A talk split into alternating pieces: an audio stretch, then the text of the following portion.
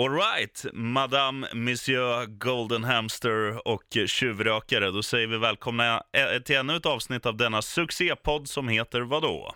NFL med Gnistan. Och Sheriffen.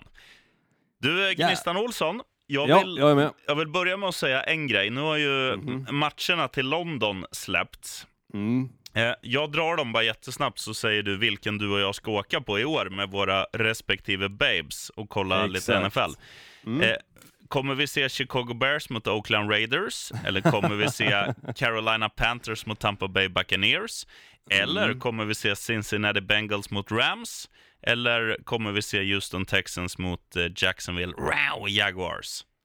Alltså jag säger den eh, sistnämnda faktiskt, med tanke på att jag vill inte se Chicago Bears och Oakland Raiders, för jag hatar Chicago Bears och jag tycker inte Oakland har ett speciellt bra lag. Hade de däremot draftat en QB nummer ett nu, eh, och kanske plockat Kyler Murray istället för att Arizona Cardinals gjorde det, då kanske det har varit lite av intresse. Men nej, jag säger nog Houston Texans, Jacksonville Jaguars, eller vad säger du? Ja, jag kan tänka mig den. Eller Tampa mot Carolina. Mm, ehm. den kan jag också tänka mig. Uh, men det är ju nackdelen där att man har James Winston i ena laget. Man vet inte riktigt vad man får. Det kan vara en sån här riktig blowout-match som Carolina Panthers vinner med 40-0 liksom. Nej, man vet aldrig med honom, det är det som är det jobbiga. James Winston kan ju slänga fyra interceptions på en match, men samtidigt så får man ju se Christian McCaffrey och det är ju spännande i sig. Så, ja, ja, Han, har ju, han har ju photoshopat sina armar här senaste veckan och du är, är helt betuttad. ja, men, jag tror inte han har photoshopat dem, jag tror faktiskt att det är hans armar. Och, alltså, har du inte sett bilden så finns den på NFLs Instagram, alltså, den är helt sinnessjuk. Det ser ut som den här snubben inte har gjort någonting annat sedan slutet på säsongen än att köra biceps och triceps. Alltså, de armarna är ju sjuka. Det är, det är DK Metcalf-klass på dem alltså. Och jag som är lite mer, lever i den verkliga världen, jag, jag, tror ju att det handlar om två saker. Dels att han precis har gjort kanske armhävningar eller lyft tungt. Han står i en perfekt vinkel och har perfekt ljussättning och då kan till och med du och jag se vältränade ut. Men nu gör vi så här Olsson, nu skjuter vi introt och sen ska mm. vi snacka om draften initialt. Jajamän.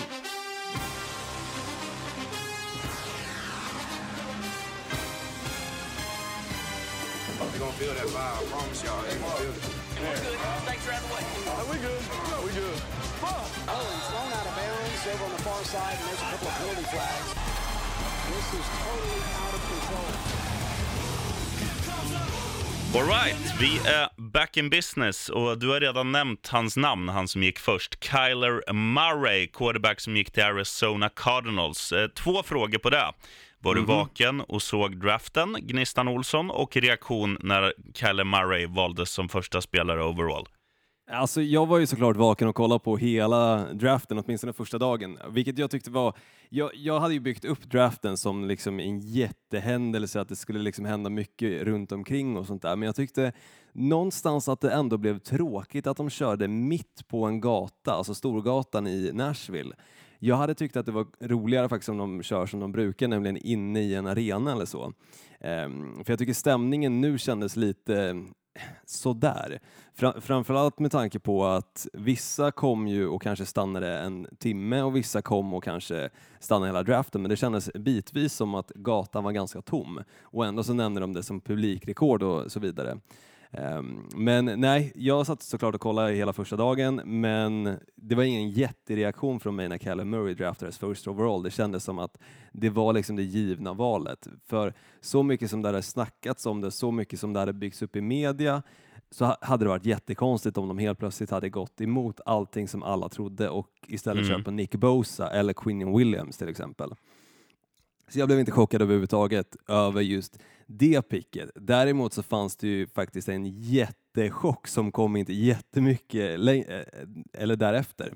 Eh, och du kanske vet vilken jag snackar om. Den största chocken tycker jag åtminstone under hela draften. Menar du att Miami Dolphins har fått en ny quarterback?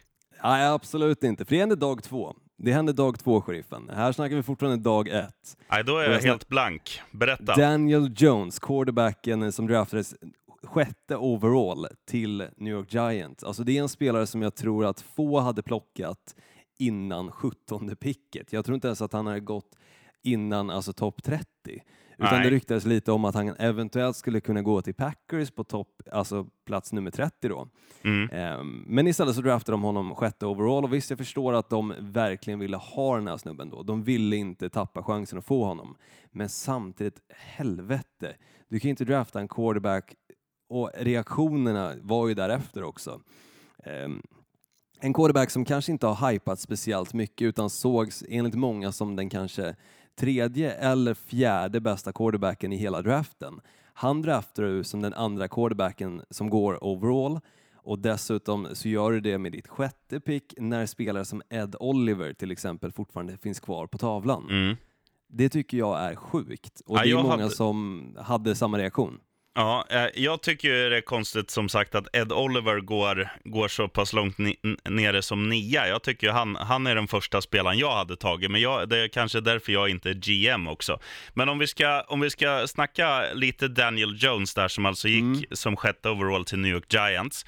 Jag tror ju att det är så här att de ser ju någonting som man kanske inte ser när man tittar på filmer och så, utan de har ju de har ju träffat honom och jag tror att det är liksom hans person som gör att, att de tror att det kommer funka. Han ska spela då i en marknad som är, som är ganska tuff, New York.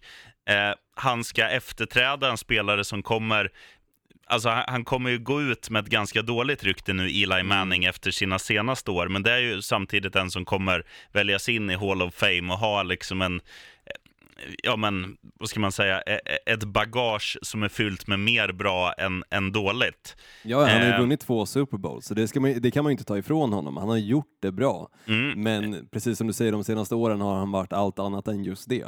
Men jag, och det är det jag menar med att Daniel Jones kanske då har sagt i, i de här intervjuerna, som, de har ju det med alla, alla lag som är intresserade av de här spelarna, tar ju reda på så mycket bakgrundsfakta och lär känna människan bakom fotbollsspelarna också. Jag tror ju att det kanske är det som är till hans fördel kontra de andra quarterbacksen som har ett bättre rykte. Att han kanske känns mer lämpad för själva uppgiften i New York Giants och då, då gör de det valet att, ja men vad fan, allt känns liksom rätt. Allt han säger, allt han visar, eh, det kan flyga. Och de, eh, det är ju så här också att de kommer ju förmodligen drafta ganska högt även nästa år.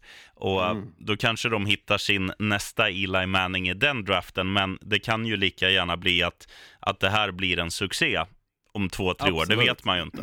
Nej, nej, absolut. Och han ser ju ut som Eli Manning, spelar som Eli Manning och alla jämförelser har dragits till Eli Manning. Så jag Mm. fattar ju att New York Giants, om de ändå liksom sitter och säger att nej men Eli Manning har tre år kvar att spela, att de plockar då en spelare som spelar på exakt samma sätt som Eli Manning, för då blir det en väldigt enkel transition mellan då Eli Manning när han väl går i pension till den nya quarterbacken då, så att de kanske gör på ungefär sa- samma sätt som Green Bay gjorde med ehm, Aaron Rodgers och Brett Favre, att de faktiskt lät eh, Aaron Rodgers sitta i tre år bakom Brett Favre, lära sig och komma in i laget på ett lite lättare sätt än vad man kanske gör om man slängs in direkt. Ja, Men tror, och- tror du bara, om vi tar den frågan lite snabbt, vilken spelare av de quarterbacksen som draftades tror du kommer få starta direkt? Ja, det måste ju bli eh, Kyler Murray med tanke på vad Arizona Cardinals gjorde eh, dagen därpå när de släppte han som startade under förra säsongen till mitt kära lag Miami Dolphins. Exakt, Josh Han- Rosen. Ha, han gick ju till och med ut med det, Josh Rosen, att han sa att det känns som att jag har blivit draftad två år på raken. Mm, det är cool. Det är ändå coolt på ett sätt och sen var han jävligt skön också i en video som han la upp att ja, nej men jag ser jävligt mycket fram emot att komma till Miami och du förresten Kyler, bara så att du vet, det finns ett eh, hus eller rum ledigt så behöver du någon plats i Arizona så hör av dig så kan jag sälja det. Ja, Det är liksom så här skön mentalitet han gjorde det på helt rätt sätt. Man tänkte ju inte så kanske helt om Josh Rosen när man ändå sett honom sedan tidigare. När man såg draften förra året så kändes han rätt arrogant. ja. Men jag tyckte att man fick se en helt annan Josh Rosen och väldigt ödmjuk Josh Rosen i år och nu under off-season och det tycker jag är jävligt coolt och jag tror att Miami gjorde helt rätt val och de fick honom dessutom otroligt billigt.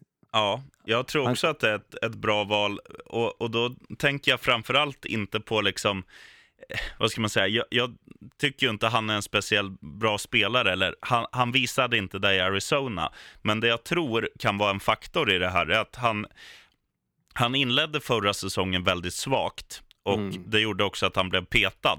Nu tror jag att han kommer lägga väldigt stora delar av den här sommaren på liksom kanske mental träning och liksom den styrketräningen du behöver för din position. Han kommer gå in i Miami Dolphins training camp med en inställning att nu ska jag ta platsen som första quarterback och jag ska definitivt inte släppa den till någon gammal skäggig farbror, utan eh, jag ska, jag ska visa att de gjorde rätt som knöt till sig mig. Jag ska visa att, att jag blev draftad väldigt högt Eh, året dessförinnan till Arizona Cardinals var liksom inte en slump, utan jag är en jävligt bra spelare och jag tror att eh, får han bara, alltså om han kommer in rätt i den här kommande säsongen, till att börja med i laget och sen i preseason och sen in i ordinarie säsong, då tror jag att Dolphins kan ha gjort ett jävla fynd här. Ja, jag tror också det. Jag tror att Dolphins ska vara jättenöjda och jag tycker du som Dolphins-fan ska också vara jättenöjd för att han som sagt kommer inte kosta mycket pengar och skulle det nu vara så att säsongen ändå kanske inte visar sig att bli den bästa så har de nästa år då kanske kunnat plocka den här quarterbacken som de verkligen, verkligen vill ha men samtidigt då ändå ha Josh Rosen kvar som ja. en backup quarterback för en väldigt billig peng. Och jag tror överlag att Miami gjorde toppen faktiskt, att de lyckades få till det här och som sagt, för ett väldigt billigt pris också. Mm. Men om man går tillbaka då till Daniel Jones, som sagt, jag tror att Giants fans är väl inte jättelyriska över just det valet. Samtidigt som sagt så är det ju någonting som tiden kommer att visa. Alltså om det var rätt att faktiskt plocka honom med sjätte overall eller om de skulle gått för Oliver istället. För det handlar helt och hållet om hur han kommer utvecklas bakom Eli Manning och hur mycket han kommer kunna anamma också med tanke på att han kommer också till ett Giants som inte är det bästa just nu. Det är mycket, det har varit liksom mycket kontroverser där. Och snackar bland annat Odell Beckham Jr-traden till Cleveland Browns. Så att det har varit mycket negativt kring just New York Giants och det blir inte speciellt mycket positivare heller när de draftar en quarterback som alla som var på MetLife Stadium och såg på draften reagerar med Oh fuck no! det blir inte positivt för det laget. Så allting handlar om hur han utvecklas bakom Eli Manning och som spelare, om det här faktiskt kommer visa sig att vara rätt val eller fel val. För att just nu så är han där tyvärr i fel tider. Det är inte optimalt att komma till ett lag som har så mycket negativt bakom sig just nu. Ja, men om, eh. om man ska hårdra det så är det ju så generellt att eh, eftersom att de har den draftordningen att sämst drafta först, näst sämst tvåa und so weiter, så kommer ju alla de här spelarna som draftas högt till skitlag. Eh, sen är det ju mer, och det är där jag menar när jag säger att det beror ju på hur Daniel Jones är som person. De, mm. New York Giants lagledning kanske kände det här på sig att om vi presenterar honom som vårat pick, sjätte overall, så kanske det här kommer bli reaktionerna från våra fans. Är då Daniel Jones en spelare som växer med uppgiften att han gillar när det blåser lite motvind? Ja, det kanske, det kanske är så han fungerar. Då kan ju det här vara ett genidrag istället. Och det är ju det är bara, titta, det är bara att titta på alla liksom quarterbacks, eller alla ska man inte säga, men många av dem som eh, alltså många av de som eh, på senaste åren har draftats väldigt högt, det är få som har flugit. Alltså de som har haft den här, eh, när de har det är väl egentligen bara Baker Mayfield jag kan ta på rak arm som faktiskt har funkat direkt. Annars har det varit mycket så här Johnny Football. Ja, han ska vi drafta högt och han blev skit. Han, han eh, gick ut och söp och och klanta bort sin karriär. Eh, Nej, men du missar några. Deshaun Watson draftades högt och han har det ju gått väldigt bra för. Ja, det är klart det finns sådana med. Men, men ja. det jag ska mm. komma till, det är ju också att det finns ju quarterbacks, de som är de stora affischnamnen nu, om du tänker quarterback och NFL, det är sådana som inte har gått in i ligan med de här superhöga förväntningarna som, som nu Kyler Murray kommer in med, exempelvis. Absolut, men jag, jag, tror pressen är ändå större på Daniel Jones, sjukt nog, än vad den är på Callum Murray. För Callum Murray tippades ändå med liksom det som folk har sett ifrån honom, att gå first overall. Men här var en spelare som kanske eventuellt skulle gå i andra rundan eller slutet på första rundan, men absolut inte på sjätte overall. Och det blir ju större press då också för att då kommer han hela tiden jämföras med spelarna som Giants inte valde kontra hur då till exempel Kyler Murray, för att Kyler Murray, den enda han kommer jämföras med är sig själv, liksom förväntningarna på honom. Men här är också liksom hur andra presterar som kommer sätta sig lite i, eh, rea, vad ska man säga, sätta sig parallell mot hur faktiskt Daniel Jones presterar menar jag. Mm. Eh, till exempel har Ed Oliver tre fantastiska år och samtidigt så ser man Daniel Jones ändå sitta på bänken och när han väl kommer in så slänger han kanske några interceptions för att gilla Manning är skadad eller vad som. Då kommer folk att göra de där jämförelserna medan Kyler Murray den enda jämförelsen de egentligen kommer ha med honom är hur bra då Josh Rosen kommer prestera. That's mm. it. Ja. Och jag tror faktiskt att Josh Rosen kommer ändå kunna prestera bra i ett lag som Miami Dolphins. För Miami Dolphins har hela tiden haft det här problemet med till exempel Ryan Tannehill, men nu har ändå tagit steget ifrån honom och verkligen vill satsa på någonting nytt, någon som faktiskt håller. Och någonting som Josh Rosen faktiskt gör, det är att hålla, för att så mycket stryk som den snubben fick förra året i den där, bakom den där offensiva linjen i Arizona Cardinals, det är ju sjukt att han fortfarande står på benen. Så ja. han visar ju ändå att han liksom klarar av att ta smällar samtidigt som att han har en ändå en utvecklingskurva som jag tror är positiv. Mm. Um, men som sagt, jag tror pressen är större på Daniel Jones än vad den är faktiskt på Callum Murray, även fast han då draftades first overall. Mm. Det tror jag. Ja, vi får se. Ska vi gå igenom lite snabbt då? Eh, vi kan väl köra topp 10. Som, som andra spelare gick ju Nick Bosa till San Francisco 49ers, eh, defensive end från Ohio. Ingen chock där. Eh, Ingen chock alls. kan, kan han bli lika bra som brorsan? Ja, det tror jag absolut. Allting handlar om hur bra eh, det övriga försvaret kommer att spela med honom i eh, 49ers. Det är egentligen det det också handlar om. för att Visst, man kan se till en enskild individ och man kan se liksom till hur bra de var i college, men det handlar också om hur bra resten av spelarna tillsammans med honom är i till exempel college och nu i så fall i 49ers. Så det gäller ju egentligen samtliga spelare som draftades för att det är många som man har sett högt om, trott högt om, men som har varit riktiga floppar och det behöver inte handla om individen i sig själv, utan det kan handla om faktiskt laget som inte lyckas hålla upp den här nivån som den här spelaren hade när de faktiskt draftades till exempel. Mm. Eh, som trea gick ju då Quinnen Williams till New York Jets, defensive tackle från Alabama. Kommentar där? Alltså jag tycker Jets har ju ett av de vassaste försvaren. Om man, om man tittar på hur de såg ut förra året, när ändå försvaret spelar bra somliga matcher, så tycker jag att de har täppt igen alla de här små hålen som de har haft och som man såg under förra året där de behövde lite extra backup. De hålen de har täppt igen och de fick dessutom draftens bästa spelare. Um, så, nej, Jets ska vara jättenöjda och jag tror att även Sam Darnold kan känna sig nöjd för kommer han slänga en interception då vet han att han har ett bra försvar bakom sig som kan rädda upp honom så mm. att det inte blir poäng bakåt. Nästa spelare, dålig, dålig koll på hans uttal eh, på förnamnet där. Säger man Clelin? Clelin, Cle tror jag. Clelin Farrell. Ja, exakt. Oakland det här var lite av en chock faktiskt, för att um, det var ju ingen som egentligen trodde att han skulle gå före topp 20.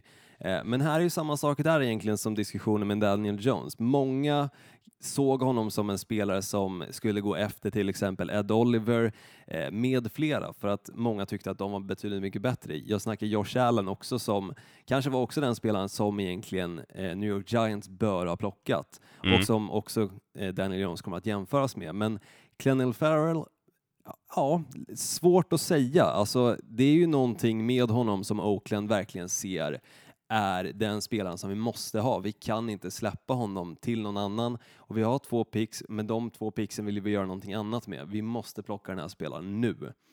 Mm. Um, jag tycker det är helt rätt. Ser man någonting som man verkligen inser att det här är en spelare som kan passa in i laget snarare än att se till är det här bästa spelaren och, som är available just nu?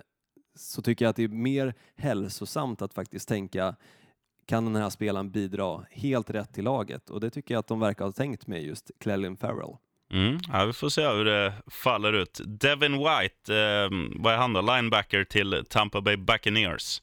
Mm, och där är ju också en sån eh, som man inte blev speciellt chockad över, utan alla experter och alla som har följt ungefär sen Combine bara vet ju att Devin White klassades som den absolut bästa linebacken i draften. Så att Tampa Bay Buccaneers skulle plocka honom var inget stort frågetecken, utan helt rätt och det var också en position som de verkligen behöver stärka upp på med tanke på att Quan Alexander som då gick till 49ers mm. eh, under off-season blev ju ett hål som de behövde fylla och att fylla det med just Devin White, jag tror han kommer kliva in som starter direkt och eh, förhoppningsvis göra ett bättre jobb än deras eller förra årets då first round pick som man knappt hörde namnet på, då snackar jag om Vita Vej. Mm. Ja, men det, jag, jag håller med dig där. Jag, jag, tycker att Tampa Bay är på rätt, på rätt väg med mycket. De eh, tänker rätt och sen har de i och för sig en väldigt rutinerad coach också nu i Bruce Arians, tidigare mm. headcoach då för Arizona Cardinals, sen gick han i pension och kom tillbaka. Eh, men, men helt rätt, för han bidrar med sin förmodliga expertis eh, och ser till att de faktiskt gör rätt under draften och det tyckte jag de gjorde med sitt första pick. Jones gick som sexa när vi snackade om, så vi hoppar till mm. sjuan. Mm. Du har nämnt hans namn. Josh Allen till Jacksonville Jaguars. Wow.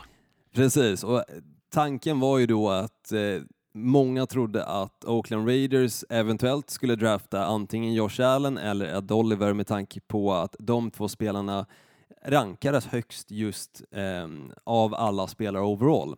Eh, om man tittar på när då Oakland Raiders hade sitt pick och även när New York Giants hade sitt pick. Mm. Ingen av de spelarna gick till vardera lag, så istället så blev det Jacksonville Jaguars som kunde skratta sig till banken i och med att de fick en toppspelare i Josh Allen och dessutom så eh, säkrade de med en annan spelare också under första rundan om jag inte är helt ute och cyklar. Ja, det är mögligt. Ja, men i alla fall, jag tycker Josh Allen, jättebra val för Jacksonville och det är många som säger i år är Saxonville tillbaka, för det var de inte förra året. Nej, Nej det hade varit kul att se då när vi sitter i, i London och kikar. Ja, ser lite och det är lite där, därför också. För om jag bara ska snabbt eh, säga då vad Houston Texans gjorde. De kom ju långt senare i första rundan. Eh, men de valde ju istället att eh, gå på O-line, så det kan mm. bli intressant att se first round pick mot first round pick, för då kommer det vara O-line mot D-line. Mm. Eh, och så får man sitta där på läktarna, vilket kan vara kul att se. Absolut. Eh, som åtta till Detroit Lions. Nu har jag slut på morreffekter i min sörmländska kropp, så jag säger bara hans namn. Eh, bra namn, TJ Hawkinson.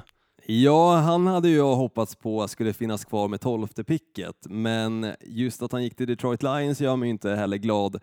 Att han hade hellre då kunnat gå till antingen Jacksonville Jaguars eller Buffalo Bills, då hade jag varit desto gladare, för nu kommer ju faktiskt Green Bay Packers behöva möta den här alltså det här monstret till tight mm. Eh, då i Detroit Lions. Men jag är väl med lite vad folk har snackat om. Om du har chansen att plocka Ed Oliver, som ingen trodde skulle finnas kvar som åttonde picket, men du väljer istället en tight end, och man har också sett hur det har funkat med tight ends i Detroit Lions sen tidigare när de hade, nu kommer jag inte, Eric Ebron, Ja. Såklart, som de draftade, jag tror första rundan 2014 eller 2015 och inte lyckades med honom utan istället skickade iväg honom till Indianapolis Colts så tycker jag att nej, du kanske inte ska satsa så jävla hårt med ditt åttonde pick på eh, en position som faktiskt inte har lirat jättebra i just det laget och bakom samma quarterback som inte lyckades med Eric Ebron, eh, nämligen eh, Stafford då. Mm. Eh, utan jag, nej, jag tycker att de gjorde fel och borde istället valt Ed Oliver faktiskt. Ja, jag är tvärtom. Jag tycker att, eh, jag tycker att Eric e-, e-, Ebron har varit ganska skaplig i Detroit. Sen, sen tror jag, eh, det beror lite på. Alltså, Stafford hade ju mer, vad ska man säga, wide receivers som gick långt när ja, men, ja, om vi backar bandet bara ett år, sen har ju de tradat bort massa spelare och sådär. Så jag tror, att, jag tror att de kommer utnyttja sin tight end mycket mer eh, kommande säsong. Jag tror att det var ett ganska bra val. Så jag, jag förstår deras tänk. Sen kommer ju chefen som jag hade valt som etta. Han gick som nia till Buffalo Bills, Ed Oliver. Och det är ju bara ja, gratulera. Ja, verkligen. Alltså Buffalo Bills, om det var någonting som de hade förra året, förutom en quarterback som var rolig att kolla på i Josh Allen, så har de ju, hade de ett försvar som är jävligt bra, mm. som lyckades stänga ner Minnesota Vikings på bortaplan, vilket ingen trodde. Ingen trodde det skulle vara möjligt, men Nej. hela Minnesota Vikings var ju lamslagna den matchen och de gjorde det dessutom fler matcher. Så att få en spelare som Ed Oliver, kanon för deras del, jättekul. Det kommer bli, det kommer bli eh, ett jävla lyft tror jag. Och framförallt nu, vi har ju redan nämnt Josh Allen, hans namne, som är, mm. som är quarterback i eh, Buffalo Bills. Fortsätter han, fortsätter han att utveckla sitt spel, och då menar jag att kanske att han ska lära sig och lite mer avväga när han ska passa bollen och när han ska springa med den själv, så, så tror jag att Buffalo kan, eh, de kan vara New Englands största utmanare i divisionen. Ja, absolut, och det roliga är också att samtliga övriga lag i AFC East då, där New England Patriots spelar, valde ju en stor alltså maffig jävla defensiv spelare som ska se till att sätta press på Tom Brady. Mm. Det var ingen som lyckades göra det förra året. Eh, så det är kul att se om någon av de här rookiesarna faktiskt kommer lyckas, för att även då eh, Miami Dolphins valde ju en eh, defensiv linjeman. Så, Christian så Wilkins. Precis, och det kommer bli kul att se då som sagt om de faktiskt kan sätta press på Tom Brady och kanske se till att avsluta hans karriär för en gångs jävla skull. Eh, vi får vi, väl se. Vi ska, vi ska snacka om din också, Rashawn Gary som gick till Packers. Men vi tar tionde picken först. Eh, Devin mm. Bush till Pittsburgh Steelers, linebacker från Michigan. Ja, men det här är helt rätt. De gick från, jag tror det var 20 picket de hade, och, eller 19 picket och såg till att få 10 picket då. Eh, från för Denver. att kunna plocka, precis, för att kunna, kunna plocka Devin Bush och Denver gjorde ju här, den här traden också för att de spelarna som de verkligen hade velat ha hade redan blivit valda, så då kunde de lika gärna backa bakåt i draften. Men det här är ju en position som vi såg framförallt förra året, det fanns ett stort hål i, för att tidigare hade de ju Ryan Jazier som skadade sig och ingen vet om han väl kommer komma tillbaka och spela fotboll. Han kommer ju definitivt inte göra det på samma nivå som han spelade tidigare innan skadan. Nej. Så det här är ju ett hål som de verkligen måste fylla. Sen tycker jag att det är kul också att Devin Bush kommer ut i värsta Michael Jackson-outfiten och har den här lilla mm, tofsen också där längst bak. Han, mm. han har en väldigt speciell stil, men jag tror han är en jävligt cool spelare och jag tror också en spelare som kommer passa bra in i det unga Pittsburgh Steelers som man ändå börjar se komma, komma i lite form. Ja, eh, Den men... enda som är riktigt gammal och groggy, det är ju Big Ben där, men så fort de byter ut honom så är det väl ungt och potent lag skulle jag säga. Mm, eh, helt med dig. Cincinnati gillar vi inte, så den skiter vi Sen tar vi din, din polare på slutet, Rashawn Gary till Green Bay. Vi, vi, måste nämna Cincinnati faktiskt, för att jag tycker att år efter år. Jag, jag nämnde det förra året också, att jag tyckte de gjorde helt fel i draften och de gjorde helt fel under off-season. De gjorde egentligen ingenting märkvärdigt som skulle kunna förändra det här laget och jag tycker inte att de gjorde det nu heller för att visst att de behöver stärka upp sin offensiva linje så att Andy Dalton har lite mer tid i fickan och kanske inte skadar sig eller att de eh, ja, helt enkelt inte har någon tid att göra någonting. Mm. Eh, men jag tycker fortfarande att de hade behövt lite mer känsla, lite mer mm, så i Cincinnati. För att hade jag varit ett fan av Cincinnati Bengals just nu och de draftar en offensiv linjeman med deras elfte pick, då blir jag rätt besviken. Alltså jag hade suttit där och bara, men helvete, hade ni inte kunnat plocka någonting som vi åtminstone hade kunnat bli nöjda över. Någon spelare som antingen kan fixa till en sack eller en touchdown eller interception, vad som. Här är en offensiv linjeman, jag snackar inte skit om offensiva linjemän, men det är ett tråkigt pick. Det är ett safe pick. Jag ska säga det till alla jag... lyssnare, det, det gör han visst. Ja, så att men, men, nej, men jag tycker att ett, ett lag som Cincinnati, en stad som Cincinnati behöver någonting att heja på. De behöver exakt det som Cleveland Browns fick förra året i ett Baker Mayfield. Ett affischnamn. De behöver ett affischnamn och de behöver någon som kan ge dem hopp också. Någon som kan ge dem glädje och någonting att vara peppad inför när säsongen väl ska ske. Och mm. det har de inte nu. Ingen kommer stå på sidlinjen under Cincinnati Bengals tra training camp och skrika Jonah Williams, Williams Jonah, Jonah Williams. Williams. Äh, det kommer, kommer aldrig stå, hända. Kommer de stå i Green Bay och skrika Rashawn Gary? Det tror jag är mer eh, troligt faktiskt. För att nog för förvisso att de gav honom då samma jersey, eller samma nummer då som Clay Matthews, vilket många kanske kan tycka är väldigt tidigt i och med till och med Clay Matthews gick ut och sa ja, fan, kroppen är ju inte ens kallen. Eh, alltså att kroppen har inte hunnit kallna efter döden så att säga eh, innan de väljer bort hans tröjnummer nu till den eh, first round picket då, eh, Rashawn mm. Gary. Men jag tycker Rashawn Gary var ju verkligen den spelaren som också visade absolut mest känslor under för, alltså första rundan när han satt och grät och han verkligen bröt ihop när Green Bay eh, ringde honom och meddelade då att vi kommer plocka dig med vårt tolfte pick. Ja. Och det är också en sån spelare som troddes, eh, spåddes att gå väldigt högt. Eh, jag tror som lägst ner på listan så var han väl på 19 plats. Så jag tycker tummen upp till det här och eh, det visar också att Green Bay fokuserar på att bygga det här försvaret och de vet också framgångsreceptet som de hade med Aaron Rodgers, nämligen ett väldigt bra försvar. Det var inte offensiven som ledde dem hela vägen till Super Bowl 2010 utan det var försvaret och det är det mm. de försöker bygga upp nu igen. Och det såg vi även under off-season att de plockade på sig väldigt bra spelare, betalade mycket pengar men för att se till att säkra en bra defensiv de kommande åren och det tycker jag de gjorde under draften också. Ja, jag tycker man kan se det genomgående i årets draft. Alltså det är sju helsikes många försvarsspelare.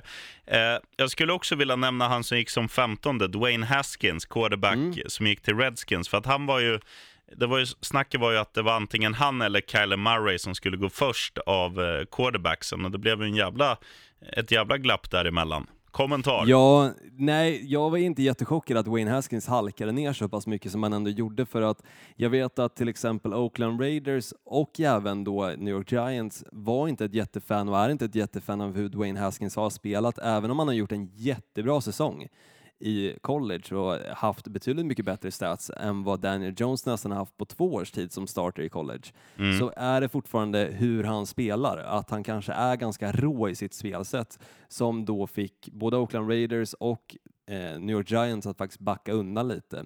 Men jag tror att precis som Kyler Murray så finns det en väldigt stor chans att Dwayne Haskins faktiskt kommer få starta i år för att de har ju trots allt ändå bara Case Keenum just nu.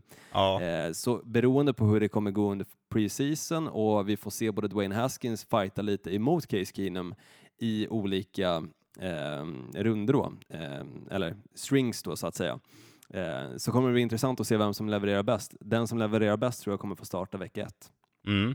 Eh, sen men, kan vi... men, men, jag tycker det är bra pick också och det är kul också att han hamnar eh, i sin hemstad, vilket såklart måste kännas roligt för hans del. Ja, ja, det är en jävla bonus. Eh, jag tycker också vi ska nämna Josh Jacobs eh, som var första running backen att gå i den här draften, gick till Oakland Raiders och sen, eh, vems kusin är det nu, Marquise Brown? Är det Antonio Browns kusin?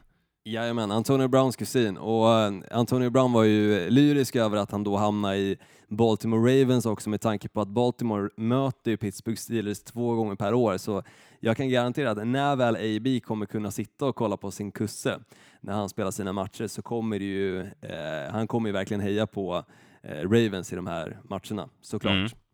Så det kommer bli kul att se just de sammandrabbningarna. Är det något mer som då. chockar dig i, i årets draft, Olsson? Ja, det som chockar mig lite grann är ju också att Montez Sweat hamnade så långt ner. 26 picket då till Washington. Grattis till Washington får jag säga även där för att få både Dwayne Haskins och Montez Sweat som innan Combine och innan de gjorde den här medical exam på Montez Sweat så trodde sig han gå topp 10, men så hamnade han istället på 26 picket och det får jag ändå kalla ett stil ja. eh, i den här draften. Och det kan vi faktiskt nämna lite grann vilka spelare då som kanske är den största stilen eller då den som kanske eh, man verkligen kände så här, här var en överbetald spelare. Den borde inte gått så pass högt. Mm. Vad säger du? Har du någon input där? Uh, jag är väl mest chockad att uh, ett lag som Minnesota väljer att drafta en center med ett ganska högt uh, val. Det kan jag hålla med om med tanke på att de gjorde sig ändå av med en av dina, deras starkaste eh, defensiva spelare då som istället hamnade upp i eh, Cleveland Browns såklart. Cleveland Browns har ju ett helt jävla sinnessjukt lag i år. Jag vet inte ja, hur folk egentligen ska lyckas stoppa dem. Men, men som sagt, jag, jag håller med dig att det, det var märkligt, men samtidigt såklart så de måste ju skydda den här überdyra spelaren Kirk Cousins. Oh. Eh, med, alltså, på vilket, för vilket pris som helst. Och att drafta då en center, eh, och jag, jag vet att Garrett Bradbury kan också spela på andra positioner på den offensiva linjen, så Eh, så för deras del tror jag att det var rätt val för att de behöver skydda den här quarterbacken som de ändå betalat 84 miljoner dollar för. Mm. Nej, men annars är det väl, eh, alltså, eh, som jag sa tidigare, Ed Oliver, jag är chockad att han går först som nia, för det, jag har fått sånt jävla intryck av honom, både som människa och som spelare, så att jag, eh, som jag säger, jag hade ju valt han som etta, men det kanske är en anledning att jag inte sitter och, och styr något NFL-lag. förmodligen, förmodligen. Men, men samtidigt också så tycker jag, om man tittar på andra rundan då, eh, eller ja, jag tror det var andra rundan som det skedde, så är det ett jävla stil att eh, vad heter de, Seattle Seahawks lyckas få DK Metcalf och den reaktionen som jag har hört han ge DK Metcalf när det här telefonsamtalet kommer från Seattle Seahawks är ju liksom så här varför tog ni så lång tid på er? Och liksom verkligen sitter och gräser. Vad sa? Nej, jag sa bara att eh, jag tycker att det är ett jävla stil också att eh, Seattle Seahawks lyckas få till, eh, vad heter han, DK Metcalf på, med ett så eh, långt ner pick. Eh, ja. Jag tror det var slutet på andra rundan som de lyckades säkra honom. Eh, vilket är såklart jättetummen upp för deras del. De, ja. de, jag tror de kommer verkligen behöva en sån spelare. Sen blir det också intressant att se vad exakt som kommer ske i New England Patriots. Vad tror du där? För att de draftar ingen tight end som ska då ersätta Gronkowski, utan istället så tog de Nikhil Harry som är en jätte-wide receiver. Eh, som är förvisso... Ja, jag, som är förvisso... Tror... Ja, kör du. Jag tror ju så här att de har ju Chris Hogan som eh, förmodligen kommer ta Gronks position på planen. Ganska lik kroppsbyggnad, ganska lik eh, i rörelsemönstret och också ganska bra händer och så. Jag tycker han är lite underskattad, Chris Hogan. Jag tror han kommer få tight end-rollen och så, så luftar de någon av sina wide receivers. För att i Patriots, oavsett om de liksom är kända namn eller om det är no-names som kommer in där så, så får Tom Brady det att funka med de allra flesta som han förser med bollar. Och med tanke på att Patriots också är ett topplag år efter år eh, så tror jag att sådana här som kanske har blivit en 26, 27, 28 kanske till och med 30 år som känner att ja, men jag har väl två, tre bra år kvar att mjölka ur liksom ur min karriär. Det hade varit rätt nice att vinna en Super Bowl-ring. Jag har alltid chansen i Patriots. Jag tror att mm. eh, känner de att de inte har liksom en, en slagkraftig trupp så kommer de ge sig på jakt eh, via trade eller via free agency och hitta den här sista pusselbiten som de behöver för att fylla ut sin wide receiver core. Och jag tror att alltså, får du ett erbjudande från Patriots och du känner att jag vill vinna en Super Bowl-ring innan jag lägger av så, så nappar du på erbjudandet oavsett lön. Absolut. Jag, tror, jag tror mer att de egentligen kommer fylla Gronkowskis alltså, roll som han hade i laget. Jag tror de kommer sätta dit en ganska bufflig och stor tight end som istället kommer att se till att Tom Brady har alltid i fickan som han kan ha och så kommer de försöka med sina wide receivers så gott det går. Och jag tror att Nikhil Harry med tanke på att han är så jäkla lång och ändå alltså stor spelare så tror jag att han ändå kommer ha en stor chans att kunna plocka de där bollarna som vi såg Gronkowski plocka. Eh, så på så sätt så kommer det som kunna ge Tom Brady mer tid i fickan men samtidigt ändå ha ett stort och eh, bastant hot nere på planen och i ensom för den delen.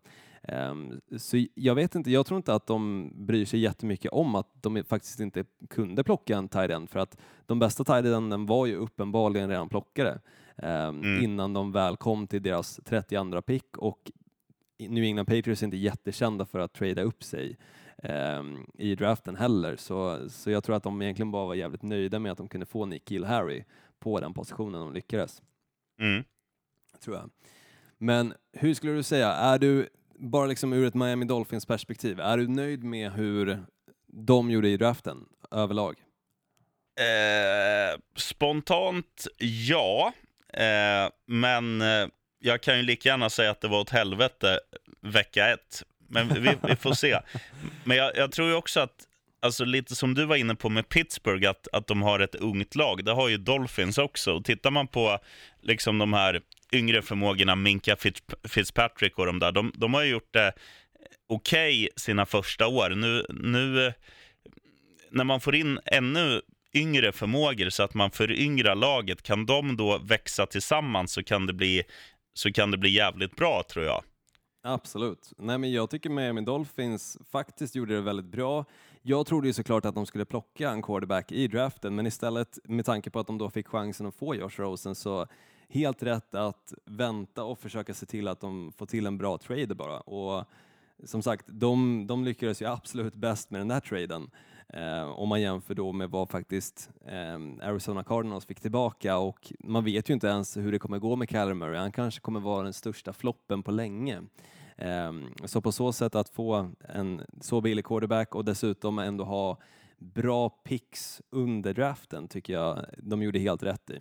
Mm. Eh, sen, sen själv också, om jag bara ska nämna ur ett perspe Packers perspektiv, Eh, så jag är väldigt nöjd med hur de tänkte och hur de gjorde. Alltså till exempel Darnell Savage. Visst, jag tror inte att han hade gått högre än 21 picket och jag tror att de hade kunnat sitta lugnt i båten med sitt 30 pick för att plocka Darnell Savage, för han rankades att gå kanske i mitten på andra rundan. Men de ville verkligen ha den här spelaren för de såg en spelare som kunde fylla en roll som de just nu faktiskt bara bollar mellan olika spelare. Mm och på så sätt utnyttja sina spelare som de redan har i det defensiva eh, secondaryn då, att kunna göra annat, att kunna kanske göra det de är absolut bäst på. Eh, så helt rätt och sen dessutom att de faktiskt plockade en tight end tyckte jag också känns lovande för att James Sternberger som de då plockade i tredje rundan var väl den bästa tight enden, tycker jag åtminstone, när jag har sett tejp och allting utöver då Noah Font och DJ, eh, TJ Hawkinson. Eh, så att de lyckas få till honom, toppen, och sen dessutom så fick de ju uppenbarligen ett jävla stil i Dexter Williams, mm. Eh, som jag tror de plockade i sjätte rundan. Och den här spelaren har haft, jag tror back-to-back tusen yard-säsonger, men har spelat egentligen i en division i college då som kanske inte har varit den mest åtråvärda men samtidigt så har han varit egentligen den enda drivande faktorn i det där laget under sin collegekarriär då. Mm. Eh, så att de lyckas få honom med sig sjätte picket tror jag är toppen och han kommer ju definitivt med tanke på running back-positionen kunna kliva in ganska fort och faktiskt vara också en bidragande faktor till laget. Ja. Ehm, så jag är supernöjd, men, men de som jag tror är minst nöjda, om jag bara ska se faktiskt till hur draften gick till, så måste det nog ändå vara Houston Texans. För de försökte få till mer säkerhet för såklart Sean Watson och även försöka få till och fylla de här små hålen som de har haft både i offensiven och defensiven, men jag tycker att de misslyckades på ganska många positioner. Till exempel med deras 23 pick så plockar de en spelare som spåddes gå i slutet på andra rundan, men det var för att innan dem så klev ju Philadelphia Eagles in och tradade till sig då 22 picket och plockade Andre Dillard istället. Um, så jag tycker att Houston Texans var väldigt passiva under draften och jag tror att det kommer um, tyvärr ändå slå tillbaka mot dem. Jag tror att de, de kommer har, ångra sig. Och de jag har tror så pass att, bra lag ändå. Bitvis. De behövde förstärka upp. Alla lag behöver förstärka upp på någonting och jag tycker att Houston Texans misslyckades lite i det. Mm. Ska vi ta två, lite, eller en framförallt tråkig nyhet. Eh, det är ju mm. Isaiah Crowell som eh, gick från Jets till Oakland Raiders här nyligen. Han har ju mm. dragit av sig, eh, ja det man kallar för ACL. Jag lär mig aldrig om det är ledband Korsband, eller korsband, korsband heter det. Eh, mm. och de tror att han kommer missa hela säsongen. Oakland, eh, alltså, jag fattar inte vad som händer i det där laget. Allt går åt helvete för dem. Ja, ja nej, men det, det känns som att eh, oavsett om de har fått till AB och massa nya spelare nu så eh, jag tror inte att Oakland-fansen ska hoppas på för mycket, åtminstone inte i år. Nej. Och jag tror nästan det kan vara bra att de inte hoppas på för mycket heller, för att får de en riktigt skitsäsong i år igen så kommer de få drafta högt och i 2020-draften så finns det väldigt många bra quarterbacks och då kan de byta ut Derek Carr också. Ja, så det kan bara vara positivt för dem också. Det är så, lite skitsamma, de ska ändå byta stad liksom. Ja, det är i och för sig sant. Och sen tycker jag att vi ska hylla eh, Jamal Charles och framförallt sättet som de i, gjorde nu i Kansas City det som blev hans sista snap, alltså på någon, ja, någon träning där han i kostym får bollen från Patrick Mahomes och springer någon meter och sen kramas han med alla. Och och pensionerar sig. Jag vet inte hur gammal han är, Jamal Charles, men han är inte, han är inte lastgammal. Nej, absolut inte, men han har ju tyvärr haft skador som har eh, tagit honom steg efter steg tillbaka i eh, dels utveckling men också i hur snabb och kvick och explosiv han kan vara. Så, så jag tycker det är helt rätt att istället för att försöka ett år till och kanske bli besviken för att inget lag vill ha dig, mm. eh, gå i pension och bara njuta av tiden och njut också av att Jamal Charles, liksom, fan du, var, eh, du är den bästa eh, spelaren som har spelat running back-positionen i Kansas City Chiefs. Var nöjd över det. Ja, och inte bara bäst i Kansas City Chiefs. Han är den spelaren i NFL som har bäst snitt, alltså yards per carry, eh, någonsin. Mm, alltså han, han var ju ett monster under glansdagarna så att säga. Eh, men som sagt, jag tycker han avslutar på toppen då, eh, på så sätt att han ändå det känns som att han gör det verkligen frivilligt. Han gör liksom inte, han försöker inte som många andra kanske gör och spelar en väldigt dålig säsong eller inte har någon utveckling alls utan nu inser han liksom att det är dags att lägga skorna på hyllan. Visst, mm. han försökte även förra året och det blev inte något lyckat där. Eh, men nej, jag tycker det är helt rätt. Eh, men sen måste vi ju nämna det, Kansas City Chiefs situationen med Tyreek Hill. Den är ju skrämmande, tycker ja. jag. Det som då Tariq Hill är anklagad för är ju att ha eh, varit, alltså misshandlat sitt barn som är tre år gammal och har gjort det på så jävla vidrigt sätt. Det är vidrigt oavsett liksom, för att det är ett barn. Men det nämns ju ofta i NFL liksom att det är eh, till exempel physical abuse mot eh, partner, ehm, men det är sällan man hör att det kommer liksom mot barn och det blir så jäkla mycket värre. Eh, det är hemskt som fan och det är ändå en spelare som jag tror att väldigt många har eh, haft ett väldigt stort intresse för att följa och tyckt att han har gjort en väldigt bra, haft en väldigt bra karriär än så länge. Han kallas Cheetah då.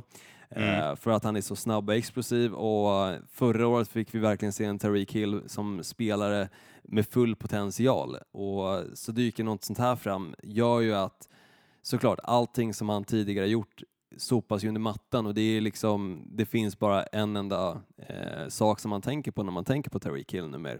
Eh, idiot. Jag, idiot. Jag ser inte att han någonsin ska få komma tillbaka till ligan. Han får inte komma tillbaka känner jag bara.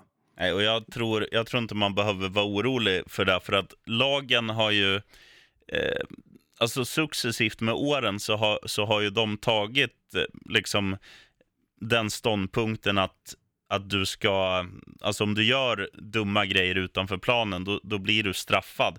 Och mm. det, det, går ju liksom inte att, det, det, går alltid att förlåta, men jag tycker samtidigt att, eh, att trenden har ju gått till att man ska vara liksom hård och visa det här och då, och då, ska, man, då ska man stå fast vid det också. Så vi får säga eh, ja, good luck at McDonalds eller något till Tariq Hill. Ja, nej men alltså som sagt, jag, jag är lite bara förvånad över att Kansas City Chiefs faktiskt inte har, än så länge har sparkat honom från laget och eh, plockat bort egentligen med allt som har med Tyreek Hill att göra för att eh, jag tycker de borde hantera den här situationen på exakt samma sätt som faktiskt eh, New England Patriots gjorde med Eh, nu kommer jag inte ihåg namnet på honom. Eh, han som hette något så här Shabarak mexikanskt namn. exakt. Eh, han, hette han exempel, inte Gonzales? Ja, det kan han nog ha ätat. Det kan han nog ha ätat. Men jag tycker att de borde egentligen bara fimpat allting som har med Tariq Hill att göra och försökt att göra ja, men det bästa av situationen att försöka lära liksom både lag, stad och allting och visa att vi står inte för det här. Vi ställer oss inte bakom det. Men nu istället så har de lite i det tysta gjort att de har uteslutit honom från allting som har med laget att göra men han har fortfarande inte fått dojan därifrån. Nej. Och jag, tycker, jag tycker den videoinspelningen som dyker upp, eller som har dykt upp då, är tillräckligt för att faktiskt peta honom från laget. Framförallt om det var tillräckligt att peta Kareem Hunt från laget av den video som dök upp. Ja, och, och det är ju inte bara det är ju inte bara ditt eget lag du sätter ett statement för, utan det är ju, det är ju hela sportvärlden i stort. Att ska du, ska du in i amerikansk proffsidrott, då ska du fan sköta dig utanför också. Eh, så att det är ju mm. ett ganska viktigt, alltså jag, jag, tror och jag, och jag hoppas att det kommer komma ett statement som visar att, liksom man, ska, att man måste sköta sig i, i alla ja, vad ska man säga, alla delar av livet. Det låter ju jävligt stort, men eh, du förstår vad jag menar och jag hoppas att, att det här kommer inom kort så att vi får bort alla jävla idioter från, eh, ja, men från, från idrottsrubriker. Ja, alltså för det blir, eh, just nu tycker jag att det bara är tråkigt som sagt att de inte har tagit ett beslut för att jag tycker att det känns, eh, jag vet inte vad de egentligen sitter och diskuterar för att jag tycker inte att det finns någonting att diskutera. Eh, utefter det man har hört och utefter det man har förstått att situationen handlar om så är det ju bara fimpa honom. Mm. Det finns inget annat att göra liksom. Um, så, så, nej, jag är besviken på Kansas City Chiefs faktiskt, hur de har hanterat det här och att de fortfarande lägger upp videos och bilder och allting och låtsas som att livet är precis som vanligt i frid och fröjd här i Kansas. Det är mm. inte. Vi har haft två spelare nu på mindre än ett års tid som har betett sig som svin bägge två. Två av dina mest tongivande spelare. Exakt, och dessutom Tariq Hill också har gjort det mot ett barn ja. i flera års tid. Det här är inte någonting som bara hänt en gång, utan det här är någonting som verkar hända successivt och regelbundet i det Tariq Hill-hemmet. Det är mm. bara liksom fimpa honom. Det som Kareem Hunt gjorde, det var en engångsföreteelse, hoppas vi på. Det vet ja. man inte. Men det har åtminstone inte dykt upp någonting annat om att Kareem Hunt har gjort någonting eller har gjort någonting dessförinnan heller. Men här verkar det vara någonting som har hänt under en längre tid. Fråga kolon snabbt på det. Har du bränt hans tröja än? Jag har inte Tariq Hills tröja och jag är jävligt glad för det, men annars hade jag gjort det. Jag tycker att alla som har Tariq Hills tröja är bara att bränna skiten. Vems tröja har du i, i Patrick Mahomes. Ja, töntigt. Berömmas poppis. men han, men, han, eh, är, han, känns ju som en good guy, han känns ja, faktiskt som en fin, fin kille. Men, men du, det, trodde, det trodde man ju även om Tariq Hill och Kareem Hunt. Så Tråkigt, jävligt Olsson, tråkigt. Ja. Jag måste få komma in där när du har sagt ordet fimpa. Jag måste fimpa dig nu för jag ska till Bauhaus och köpa en spegel. Ja, lycka till. Jag ska se till att käka lite så, så Donnan blir glad. Du, jag trycker på outrot här och säger bra jobbat. Och du som lyssnar får gärna gå in och eh, prenumerera på den här podden. Det gör du säkert redan, men då kan du också skriva i det här kommentarsfältet att ja, Gnistan Olsson, han är, han är så duktig på länk och sheriffen trycker på rätt knappar ibland och så här. Eh, ibland, och, och, sätta, och sätta ett betyg på oss så att eh, det lockar till fler lyssnare. För vi tycker det är kul att göra det här. Eh, och ja, vi skulle väl verkligen. även göra det om det bara var vi själva som lyssnar på det. Men eh, det är alltid kul när man når ut till folk eh, som, som uppskattar en fantastisk sport. Så att, exakt, eh, exakt. Om det är en sak vi gör det här, den här podden, som vi inte gör podden för, så är det ju pengar. Vi får inte en spänn för att göra det här, utan vi gör Nej, det bara för back. att vi vi går back, men vi gör det för att vi är jävligt glada att göra det och dessutom vi snackar fotboll. Mm. Och jag är glad att du lyssnar på vårt snack om fotboll. Så sätt fyra eller fem stjärnor, helst fem, skriv något gulligt och fortsätt att lyssna så är vi tillbaka med lite tur redan nästa vecka med mer surr om livet, om draften, om Miami Dolphins. Jag kan ju och... hinta lite snabbt, chefen, vad vi ska snacka om nästa vecka. Det är nämligen oh. så att vi ska eh, bena ner varje position, den största difference makern ifrån draften, vad vi tror kommer vara de största difference-makerna på varje enskild position. Vi kommer också snacka o-line. Vi kommer snacka o-line. Men inte nästa vecka. Det blir tråkigt. Nej, jag ska jag planerar in en sjukdag den dagen. men, eh, men eh, ja, alla till och, med, till och med snackar vi Panthers. Nej, nej, där planerar till och med jag in en sjukdag alla tjockisar i o-line, alla smalisar på running back-position och alla som har lika stora armar som Christian McCaffrey eh, efter Photoshop. Tack för att ni lyssnar. På återhörande. Right on.